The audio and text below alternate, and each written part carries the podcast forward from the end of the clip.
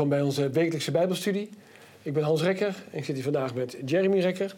Hartelijk welkom. Dankjewel. En we gaan de twintigste les doen van Sabbat 14 november 2020. En die gaat over Johanna en de welwillendheid. We gaan in deze les zien dat eh, een toch wat onbekende vrouw, want ik heb haar leren kennen door deze les echt, uh, een prachtig karakter heeft. En we gaan ook zien waarom dat zo geworden is, waar ze dankbaar voor is en hoe vrijgevig ze daarin is. Als voorbeeld voor ons, en daarom heet het welwillendheid. Nou, voor we dat gaan doen, gaan we eens de zegen van de Heer vragen met Jeremy. Trouwe, dierbare Vader in de hemel. We komen voor uw troon neer om toch dank te zeggen dat we deze mooie les over vrijgevigheid toch mogen doornemen, heren. Dat de lessen hierin, uh, dat die toch tot ons hart mogen opnemen en ook echt mogen gebruiken en dat we dat ook echt mogen doen. En daardoor betere volgers van u mogen worden. U wilt ook met de mensen thuis zijn dat die ook de lessen mogen opnemen in hun hart. En dat die toch ook daadwerkelijk deze lessen mogen uitvoeren. Hier bidden we allemaal voor, voor uw geest der profetie en om uw genade. Niet om het verdienen, maar in Jezus naam alleen. Amen. Amen. Wat betekent dan Johanna? Het staat er bovenin. Staat Johanna betekent door Jehovah begunstigd. Ja. Dus, en Johanna is zoals uh, een beetje klinkt, is dus een, een afkomstnaam van zeg maar, Johannes. Precies. Ja, de vrouwelijke vorm. De vrouwelijke vorm. Ja. ja, ik heet Johannes, dus als ik meisje was, had ik Johanna kunnen heten. Ja. Ja, zo gaat dat. Wat staat er in Lucas uh, 8, vers 3? En Johanna, de vrouw van Chusas of Goesas, de redmeester van Herodes en Susanna en vele anderen die hem dienden met hun eigen bezittingen. Dat is de kern van deze boodschap. Mm -hmm. Het gaat, dit hele boekje gaat over vrouwen. In dit geval gaat het over wat ze met hun geld deden. En welke dienstwerken ze daarmee doen. Nou, we gaan niet alles over verklappen, maar het belangrijkste wel. Zou je de inleiding verder kunnen lezen? De Bijbel zegt, hij reisde van de ene stad en vlek tot de andere, predikende en verkondigde het evangelie van het koninkrijk Gods. En de twaalfen waren met hem en sommige vrouwen die van boze geesten en krankheden genezen waren, namelijk Maria, genaamd Magdalena, van wie zeven duivelen uitgegaan waren, en Johanna, de vrouw van Chusas, de renmeester van Herodes, en Susanna en vele anderen die hem dienden van hun goederen. Niet alleen Christus, maar ook zijn discipelen werkten in de steden en dorpen, en degenen die langer in de waarheid waren geweest dan de nieuwe bekeerlingen, dienden hem met hun bezittingen. Nu hebben we dat twee keer gehoord, hè? Mm -hmm. Dienden met hun bezittingen. Ja, en hun goederen staat in Ja, wat, wat, wat, wat, wat, wat deden ze dan? Dat betekent gewoon. Denk jij, Ik, ik, ik, denk dat het betekent dat. Uh, dus voornamelijk deze vrouwen bijvoorbeeld en ook de, de bekeerlingen, dus de volgers van Jezus die al langer be, uh, bekeerd waren, die dienden Jezus door voor hem te zorgen met gewoon de spullen die ze hadden. Mm -hmm. Dus in die zin, uh, Jezus had, werkte niet meer als timmerman zoals hij deed Nee. als kind. Zijn, nee, hij was fulltime.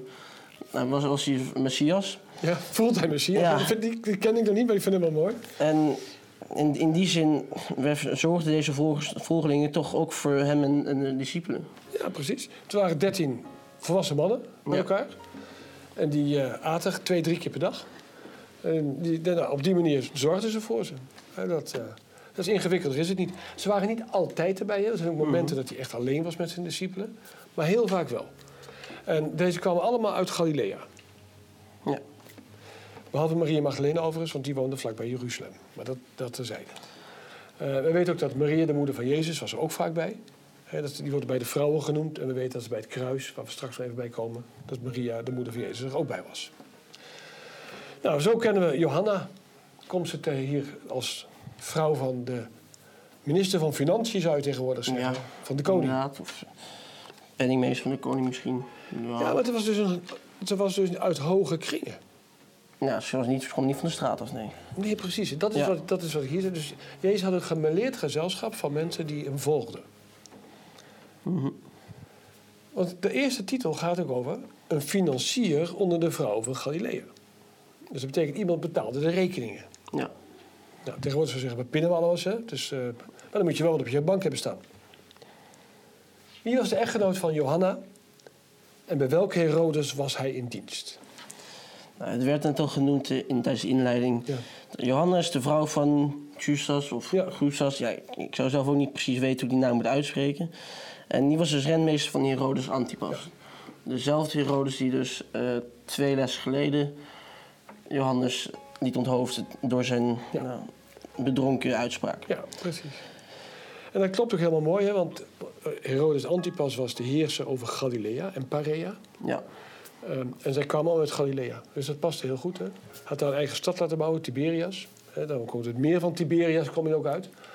Ehm, een rentmeester in die tijd was ook niet alleen maar dat hij minister van Financiën was, maar hij runde de business eigenlijk. Mhm, inderdaad. Hij ging gewoon over alle financiële zaken. Zorgde ervoor dat de Romeinen kregen wat ze wouden. Ze zorgde ervoor dat, eh, dat zij in ieder geval genoeg eten hadden eh, en dat soort dingen. En, Ja, nog meer, we hebben hier ook eh, bij bijvoorbeeld eh, een gebouw in Elkom, eh, Rehoboth. Mhm. Dat grenst aan het eh, kasteel Middachten. Die heeft ook een landgoed. En die heeft Ja. ook een rentmeester. Dus die, de gravin, of de graaf van Middachten, die heeft alles uitbesteed aan die rentmeester. En die zorgt ervoor dat er gekapt wordt, dat er gemaaid wordt, en gezaaid wordt, dat het geld binnenkomt en dat het goed besteed wordt. Mhm. Dat doet de rentmeester. Dus eigenlijk, die beheert echt alle goederen. ja, een soort van manager. hè. En daar wordt hij royaal doof betaald hè, door, de, door degene die dat doet, als het goed is. En zo was deze Tjoesas en dus ook zijn vrouw, Johanna, hadden het goed. Ja, Waren bemiddeld, zoals dat heet. Nou, dat is belangrijk. Daarom heet de titel ook een financier onder de vrouw van Galilea. Wat deed ze nou met haar rijkdom? Het tweede deel van deze eerste vraag. ja. We zeiden net al, inderdaad, dus met, met de rijkdom deed ze, ze, ze gaf het weg door middel, of ze, ge- ze gebruikte het om te zorgen toch voor nou, de mensen die dus geen geld hadden. In dit geval was het onder andere Jezus. Ja. Maar ook gewoon voor de armen, van de armen die ze tegenkwam, denk ik ook. Dus wat heel mooi is in dit geval, is dat je het geld er niet alleen voor jezelf houdt.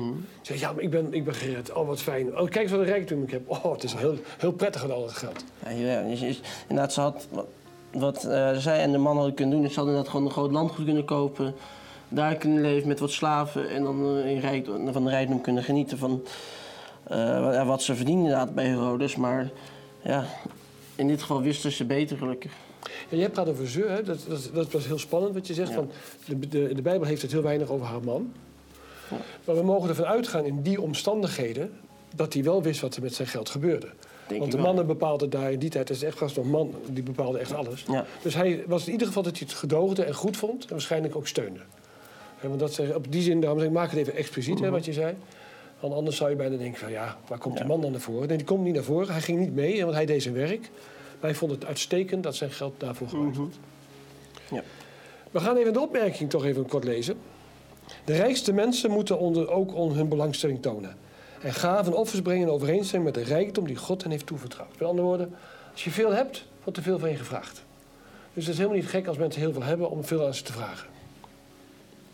En dan komt er iets moois staan over kerstmis. We weten allemaal dat wij kerst niet vieren.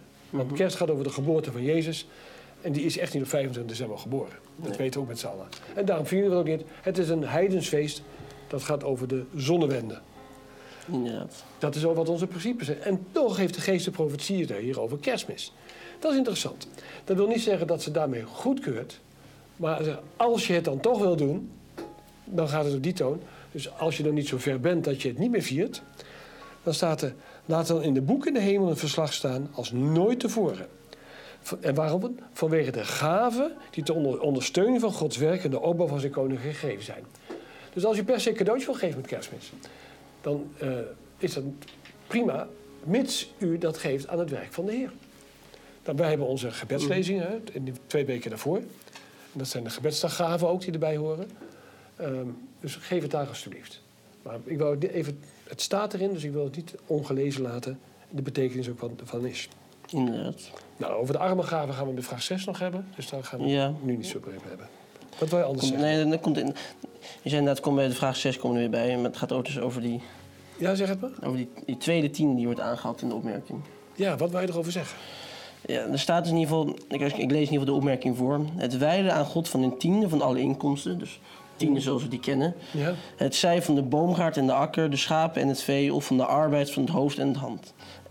De wijding van een tweede tiende, voor de ondersteuning der armen en andere weldadigheid, hadden de bedoeling de mensen steeds de waarheid voor te houden dat God de eigenaar is van alles, als ook van hun kans om de kanalen van zijn zegeningen te zijn.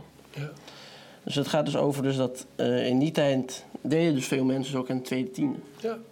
Dus die zorgden ervoor dus dat, dat onder andere dus ook los van het geestelijke werk dat dat gedaan kon worden, dat ook de arme mensen die dus niet het geld hadden, die dus niet het werk konden doen, toch ook nou, gewoon goed konden leven. Ja, precies. En wat ze ziet in dit geval is dat ze dat geld zelf bewaarden en niet weggaven nog. En als het nodig was, dan gaven ze het. Ja. Dat geld was ervoor gereserveerd. En we gaan zien wanneer je dat zou moeten doen. En dat gaat dan tot, tot een tiende extra. Inderdaad. Dan moeten we wel in de, in de context van die tijd begrijpen... in die tijd was er nog geen sociaal stelsel, zoals wij in Nederland hebben. In Nederland hebben we de sociale dienst. eh, we hebben werkloosheidswetten, arbeidsongeschiktheidswetten.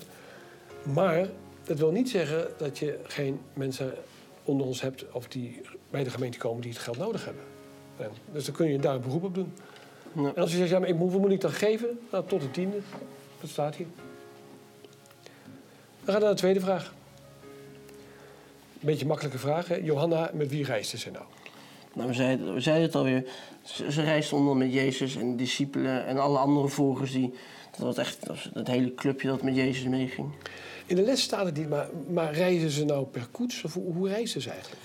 En die zijn, deden ze alles met. eh eh, met- mij is verteld onder door eh, Eva van Eva Lammers. Ja, Dat, eh, in het, toen, eh, hoe zij het uit zegt, ze gebruikte de apostelenwagen. Dus ze gingen allemaal te voet.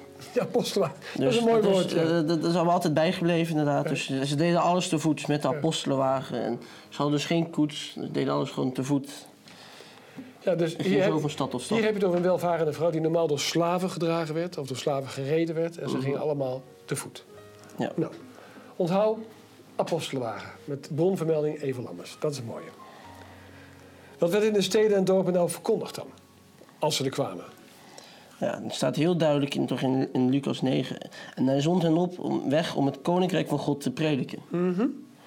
en, de ziekte te, en de te genezen. Dus ze- ze, predikten en, en, deden, Ja. en genazen toch mensen.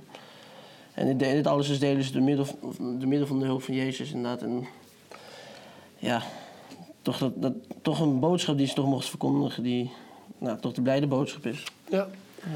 Ik vind het heel mooi dat, je dat, dat die twee gecombineerd worden. hè. Dat het gecombineerde gaat van over de boodschap van God. En ook de, dat je de weldadigheid aan mag doen. Ehm, en hoe gaat het nou in de huidige tijd? Ik, ik neem even een situatie terug. Toen was Jeremy ongeveer drie jaar. Dus dat is een lang geleden. Toen waren we in Venetië met z'n drieën. En toen liep hij op klompjes rond en er waren heel veel bedelaars. En we leerden Jeremy dat hij al die bedelaars geld mocht geven. Nou, dat heeft hij ook gedaan. Eh, en toen ging ik op de terugweg, ja, toen was uiteindelijk mijn geld gewoon op. Ik had gewoon geen geld meer. Eh, en toen was, ging hij huilen omdat hij niet meer die bedelaars geld kon geven. Dus Dat vond hij heel vervelend. Dus het ligt aan waar je, waar je kinderen mee opvoedt ook. Hè? Dus daar zit er nog steeds bij. Hij haalt niet meer als hij geen bedelaar kan geven. Maar het gaat om dat je bereid bent om te willen geven. En daarnaast het evangelie. Ik heb me aangewend dat als ik mensen geld geef, dan zeg ik: ik geef je dit uit Gods hand en uit Gods rijke zegen. Zodat het niet is dat ik geef, maar ik geef het uit Gods hand. En dat is een van de belangrijke dingen, dat je niet trots bent dat jij iets geeft. Je hebt het ook gekregen. Dus je hebt alleen maar een tijd één bruikleen. Meer mag je niet mee. Ja. We gaan naar de derde vraag. Wat zouden de gelovigen, naar Johannes voorbeeld dan, wat zouden we moeten doen? Kijk, dus Johannes is dus bekend om het geven. Ja? En het staat dus ook weer heel duidelijk in de tekst: het is zaliger te geven dan te ontvangen. Dus wat moeten we doen? We moeten meer geven. Ja. En we moeten niet denken van ja, eh, ik, nou, ik, eh, ik krijg dus niks hè, van eh, die ene Hans. Ik, ik krijg helemaal niks. Nee, je moet juist, je moet juist het geven. Het geven aan anderen. Want dat is dus dat is het zalige ervan. En wat, wat gebeurt er nou, volgens de tweede deel van de vraag? Wie, heb je, wie heeft dan baat als je dat zoveel geeft? Want dat is een andere vertaling van de offers van de heiligen. Wie heeft er nou baat bij? In die zin heb je jezelf eigenlijk de meeste baat bij. Dat is toch raar? Ik, Ja. ik, ik geef 100 euro weg, dan heb ik toch 100 euro minder? Ja, in ieder geval, de, de, de Bijbel zegt toch anders. Zo zult u in alles rijk worden. In staat tot alle vrijgevigheid die door de middel van onze dankzegging aan God teweeg brengt. Ja. Dus ja, Ik geef je nog een oud spreekwoord mee, dat is een hele mooie om te onthouden ook. Een volle hand kan niet gevuld worden. Alleen een lege hand kan wat ontvangen. ja. Dus als je je hand gevuld houdt, kan God er niks meer bij geven. Dus je zal eerst weg moeten geven voordat je wat nieuws krijgt. En dat is een hele makkelijke les om te onthouden van moet ik geven? Ja, want dan kan je weer ontvangen. Dat, dat, dat kan er niks aan doen, dat, daar gaat deze les over. Een stukje uit 2 Korinther 9, dan is in dit geval vers 12. Want het betonen van deze dienst vult niet alleen de tekorten van de heiligen aan, maar is ook een overvloedige bron van de vele dankzeggingen aan God. Dat we gezond zijn. Dat we een huis hebben. Dat je iedere nacht in een warm bed mag slapen. dat je iedere dag onder een warme douche mag staan met schoon water. Dat je gewoon vers fruit en groente mag hebben.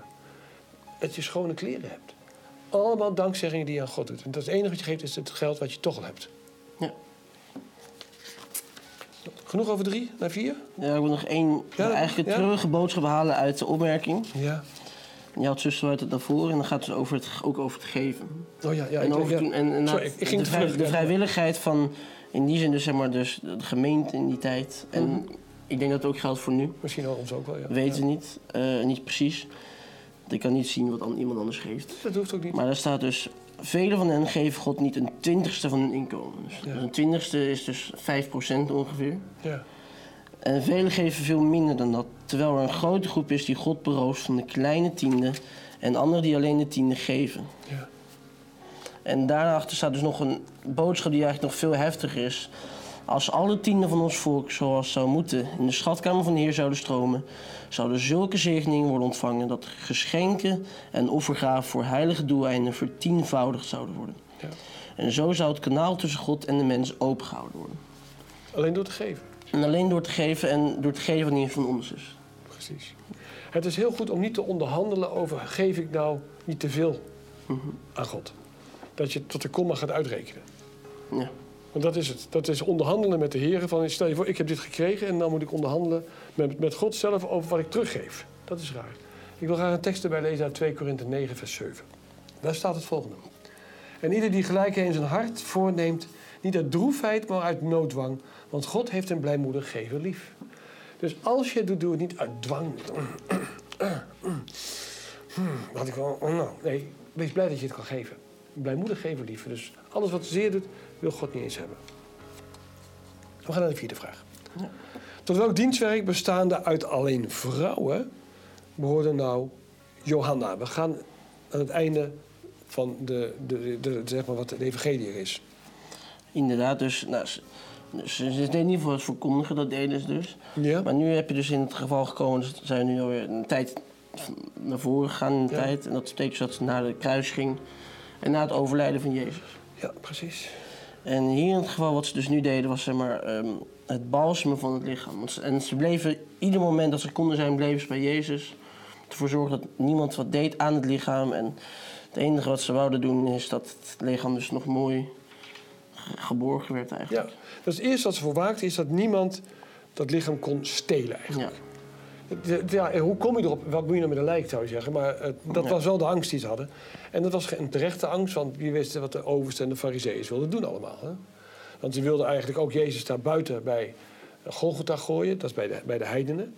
En Jozef van Arimathea en Nicodemus hebben het dan het graf van Jozef van Arimathea laten bezorgen. Ja. Wat voor hem was eigenlijk. Hè? Dat is een, een rijke man graf. En ze hebben gewacht tot het er stenen voor was.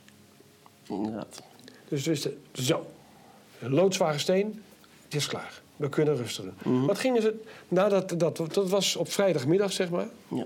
En wat gingen ze daarna doen? Ja, daarna gingen ze zeg maar nog... Nou, beginnen met Jezus en met het, het inbalsemen ervan. Dat Ja, dat dat- wou- in ieder geval, dat wouden ze doen. Precies. Maar daar hadden ze helaas niet de tijd voor op dat Ja. moment. Nee, dus ze hebben eerst specerijen wel gekocht. Inderdaad. Dus die hebben ze gekocht en daarna, toen, toen was het gewoon Sabbat. Dat was wat. Dus ze zijn gestopt, ze hebben Sabbat gehouden. En zijn daarna, na de Sabbat, diep in de nacht, nog voordat de zon opkwam, dus dat is vroeg, Ja, eh, zijn ze opnieuw naar het graf gegaan. precies. Ja, je zegt het heel goed. Ze hebben eerst die dingen spullen wel gekocht. Dat is van hun geld weer. Dure specerijen. Ja. Eh, en dat zie je het symbolisch ook terug. Dat Jezus ook bij de specerijen mirre en wierook bij de, zijn geboorte kreeg. Dat kreeg dus ook, deze vrouw kochten het ook weer van hun geld. Vooral Johanna kon dat sponsoren. Die had het geld. En in de vroege ochtend wilden ze dat gaan doen. Op Ja. Sabbat rusten ze. Nou, die vragen hebben we dus ook gehad. Ze hielden dus de Sabbat. Overeenkomstig het gebod. Inderdaad. Nou, het eerste gedeelte van eh, vraag 5 hebben we op zich al behandeld. Hè? Ja. Ehm, we gaan naar het lichaam van Christus. Wat, nou, het lichaam van Christus is hier begraven. Dat ligt in het graf. En dat, wat daarna willen ze, willen ze balsemen. Mhm. Maar wat stelt het nou symbolisch voor? Symbolisch gezien, kijk, eh, er staat dus het lichaam van Christus, staat er symbolisch voor het hoofd van de gemeente. En eh, dus de gemeente is dus ook een lichaam. En in die zin hebben wij allemaal een functie in het lichaam van de gemeente. En daar staat dus Jezus als leider aan het hoofd van. Dus als we nu geld geven aan Jezus, dan zou je het IBAN-nummer van Jezus kunnen vragen in de hemel. Maar ik denk niet dat ik dat krijg. Dat is er ook natuurlijk niet, dat is Nee. onzin. Want God heeft een zichtbare gemeente op deze aarde gegeven. Die heeft wel een IBAN-nummer. Daar kan je dus geld aan kwijt. Dus in die zin, als je geld geeft aan Jezus, geef je het dus aan de gemeente. Inderdaad. Ten gevolge van haar behoefte doet een ten ondergang ga- gedoemde wereld een beroep op onze middelen. En onze invloed om aan mannen en vrouwen de waarheid te brengen welke zij in ondergangsdreigingen nodig hebben. Wat is nou de waarheid voor vandaag die je nodig hebt? De waarheid die je vandaag nodig hebt is uiteindelijk toch, Jezus komt gauw weer. Kijk naar de tekenen des tijds. Zoals in Matthäus 24 staat. Geruchten van oorlogen, besmettelijke ziektes, ze zijn er allemaal. Ja. Corruptie overal. Jezus komt gauw weer. Dat is de boodschap die we hebben. En deze opnames worden gedaan met fantastische middelen. Dat geld is ter beschikking gekomen van mensen die geld gegeven hebben. En dat betekent dus dat geld nodig is voor het verspreiden van het evangelie. Dus laten we allemaal een beetje zoals Johanna worden en van onze overvloed geven. De zesde vraag. Wat omvat volgens Jezus onze verantwoordelijkheden om het laatste werk te ondersteunen? ja. Dus dit gaat inderdaad ook over eh, geven. Ja? En in die zin waren dus de schriftgeleerde fariseeën heel trouw in het geven. Ja. Want ze zeggen dus... eh wee u schriftgeleerde fariseeën, huigelaars... want u geeft tienden van de munt, de dille en de komijn. Dus nou, dat deden ze goed. Een hele kleine beetje zelfs, hè? Maar eh, op zich, ze- ze gaven het er niet van. Ja. En u laat het belangrijkste in de wet na. En, en dat, dat belangrijkste was dus, en de barmhartigheid en het geloof. Deze dingen zou men moeten doen en die andere dingen niet nalaten. Ja. Dus het gaat om dan over als je geeft, geef het met een goed hart. Dus je zei net, je bracht dan eerder aan, denk niet van, oh nou, ik, eh, nou vooruit dan, nou alsjeblieft, hier is de, het deel. Nee, je moet het dus met plezier geven en met liefde moet je, moet je het geven. Precies. Net zoals we in Korinthe net gehoord hebben, 2 Korinthe 9, vers 7. Je moet er blijmoedig wezen. Ja, Maar barmhartigheid is dingen doen ook. Hè? Dus het is niet alleen met geld, maar je moet ook dingen doen. Dus vriendelijkheid, mensen helpen, daadwerkelijk concreet tijd geven. ja, Dan gaan we het tweede deel van deze vraag is. Dan gaat het over hoe Paulus zegt, hoe zou je dat nou moeten doen? Als je geld voor de armen opzij wil leggen, hoe moet je dat dan doen? ja inderdaad. Dus eh, wat ze dus deden met die tweede tiende, was het, het zelf apart houden. Ja, En in die zin toch geven momenten dat ze het konden geven. ja, Maar wat we ook gewoon kunnen doen is in die zin... We hebben een gemeente. Die zorgt ook voor niet alleen het, het, het verspreiden van, van de boodschap... maar dus ook voor de mensen die, die Ja. hulp nodig hebben. ja, Dus, ik, dus je zou kunnen zeggen dat het ook gewoon aan de gemeente... Je kan het aan de gemeente geven. ja. En de gemeente die kan het dan bij de juiste persoon brengen. Ja, precies. En hier staat eigenlijk ook, iedere eerste dag van de week heeft Paulus het over. Mhm. Dat heet ook wel de eerste dagsgave. En, en waarom noemt hij dat zo? Dus voordat je het aan andere dingen gaat uitgeven, voordat je rekening van hypotheek komt, Ja. of van gas en elektra, dan leg je iets geld opzij voor de goede dingen van het werk. Dat gaat dus niet over de tiende, dit gaat over andere dingen, het extra geld wat je voor de weldadigheid apart legt. En dan staat er een heel mooie tekst in. Wie aan de armen geeft, zal geen gebrek hebben. Maar wie zijn ogen toesluit, zal veel vervloekt worden. Ja, inderdaad. Dus leg eerst Gods aandeel opzij. En dan voor jezelf. Dat zegt Paulus. Het staat niet dat je armen moet leiden, uit- dat staat er niet, hè? Nee. De Heer zal, onthoud die lege hand die de Heer kan vullen. Echt waar. We gaan naar de laatste vraag, de zevende vraag. Welke bijzondere ervaring maakte Johanna op de opstandingsdag? Nou, als je nou weer dus kijkt in het verhaal zijn... Dus, dit is het moment dat ze dus ochtends, nou, Ja. vroeg in de ochtend... nog het nog helemaal donker buiten is, gaan ze naar het graf Ja. toe... Ja, ja, En wat zien ze daar dan? Dan komen ze daar en dan zie je dus die engel. Die heel eventjes daarvoor, nou, centurion eh, heeft nou, weggejaagd van het Ja. graf. honderd mensen, honderd soldaten. Ja. Ja. En die nam dus nu, eh, nou, volgens de op- de opmerking, en nu een hoeda- hoedanigheid aan dat geen schrik zou aanjagen bij de vrouwen. Mhm. Dus het vurig of angstaanjagende aangezicht dat hij daarvoor had, dat is nu anders. Het is, het Ja. is, het is nu een lief, hij laat nu een liefdevol karakter zien. En eh, dus ze komen bij het graf en hij zegt, dus wees ge niet bevreesd, zei hij, want ik weet dat gij Jezus zoekt. ja. Dat is toch prachtig. En hij, die, die is hier niet. Waar is hij dan? Ja. Waarom zoekt hij de levenden bij de doden, zegt hij. Dus waarom kijk je in een graf als je iemand hebt die levend wil zoeken? Ja. Hij is opgestaan. Prachtige boodschap, hè? Dus Johanna, die zoveel goed gedaan heeft, die eh, gered is, waarmee weten we niet. Ze is genezen misschien van bezetenheid, weten we niet. Of van een ziekte, weten we ook niet. Maar uit dankbaarheid heeft ze, tijd en geld voor het werk van de Heer. Mag als een van, de, een van de eerste horen dat Jezus is opgestaan. Wat wordt nu van haar verwacht om te doen? Het tweede deel van deze vraag. Wat moet ze met die kennis doen die ze nu zelf waar ze zo blij mee is? Maar wordt er dus ook meteen verteld. Dan gaat terstond op weg en zegt zijn, eh, en zegt zijn discipelen dat hij is opgewekt uit de doden. Ja. En toen keek ze dus weer opnieuw in het graf en hoorden ze dat geweldige nieuws. En zagen ze dus nog een engel in de mensgedaante. En deze zegt dus inderdaad wat je net zei. Wat zoekt gij de levende bij de doden? Precies. Dus wat ze mogen doen, die ze mogen die boodschap verkondigen over dat Jezus weer leeft. Dat- En dat hij in het midden van ons is dan op dat moment. En waarom staat de vergeten boodschap? Want Jezus had het zelf gezegd, na drie dagen zal ik weer opstaan. Ja, Dus het was, de herinnering kwam pas later. Ik dacht, oh, dat bedoelde hij dus. Ja, dat bedoelde hij dus. Hij zegt, deze tempel zal ik herstellen. En dan bedoelde hij niet het fysieke tempel, maar zijn lichaam mee. ja. We gaan deze les afsluiten. Het gaat over Johanna en de bereidwilligheid of welwillendheid. Uh, begunstigde van God betekent het. Weet je, in het begin zijn we ermee begonnen. Eh, het, is, het is mooi om te lezen over een vrouw die goed ge- ontvangen heeft, dat die zoveel goed wil doen. Blijkbaar was het nooit goed genoeg voor haar. Ze besteedde haar tijd, ze besteedde haar geld. eh, alles maar voor de, haar verlosser die haar gered had voor de eeuwigheid. We zijn allemaal gered voor de eeuwigheid als we Jezus aannemen. En als we Jezus aannemen, betekent ook dat we bereid moeten zijn om de aardse middelen die onze Heer ons geeft, we geven het dus Heer dan, om daar een stuk van terug te geven. Het zijn de tienden voor het geestelijk werk, het zijn de tweede tienden of de arme gaven voor de, het liefdadigheidswerk. Het gaat niet alleen om geld, het gaat ook om tijd. Dus je kan niet alles maar afkopen zo met geld. Je ziet in Johanna het voorbeeld ook dat ze naast geld tijd besteden. Bij mensen is dat de Heer ons een bereidwillig hart geeft. Dat we zorgen dat onze hand leeg komt en dat de Heer hem weer kan vullen. Dat we bereid zijn om te geven, zodat we ook kunnen ontvangen. God zij met u.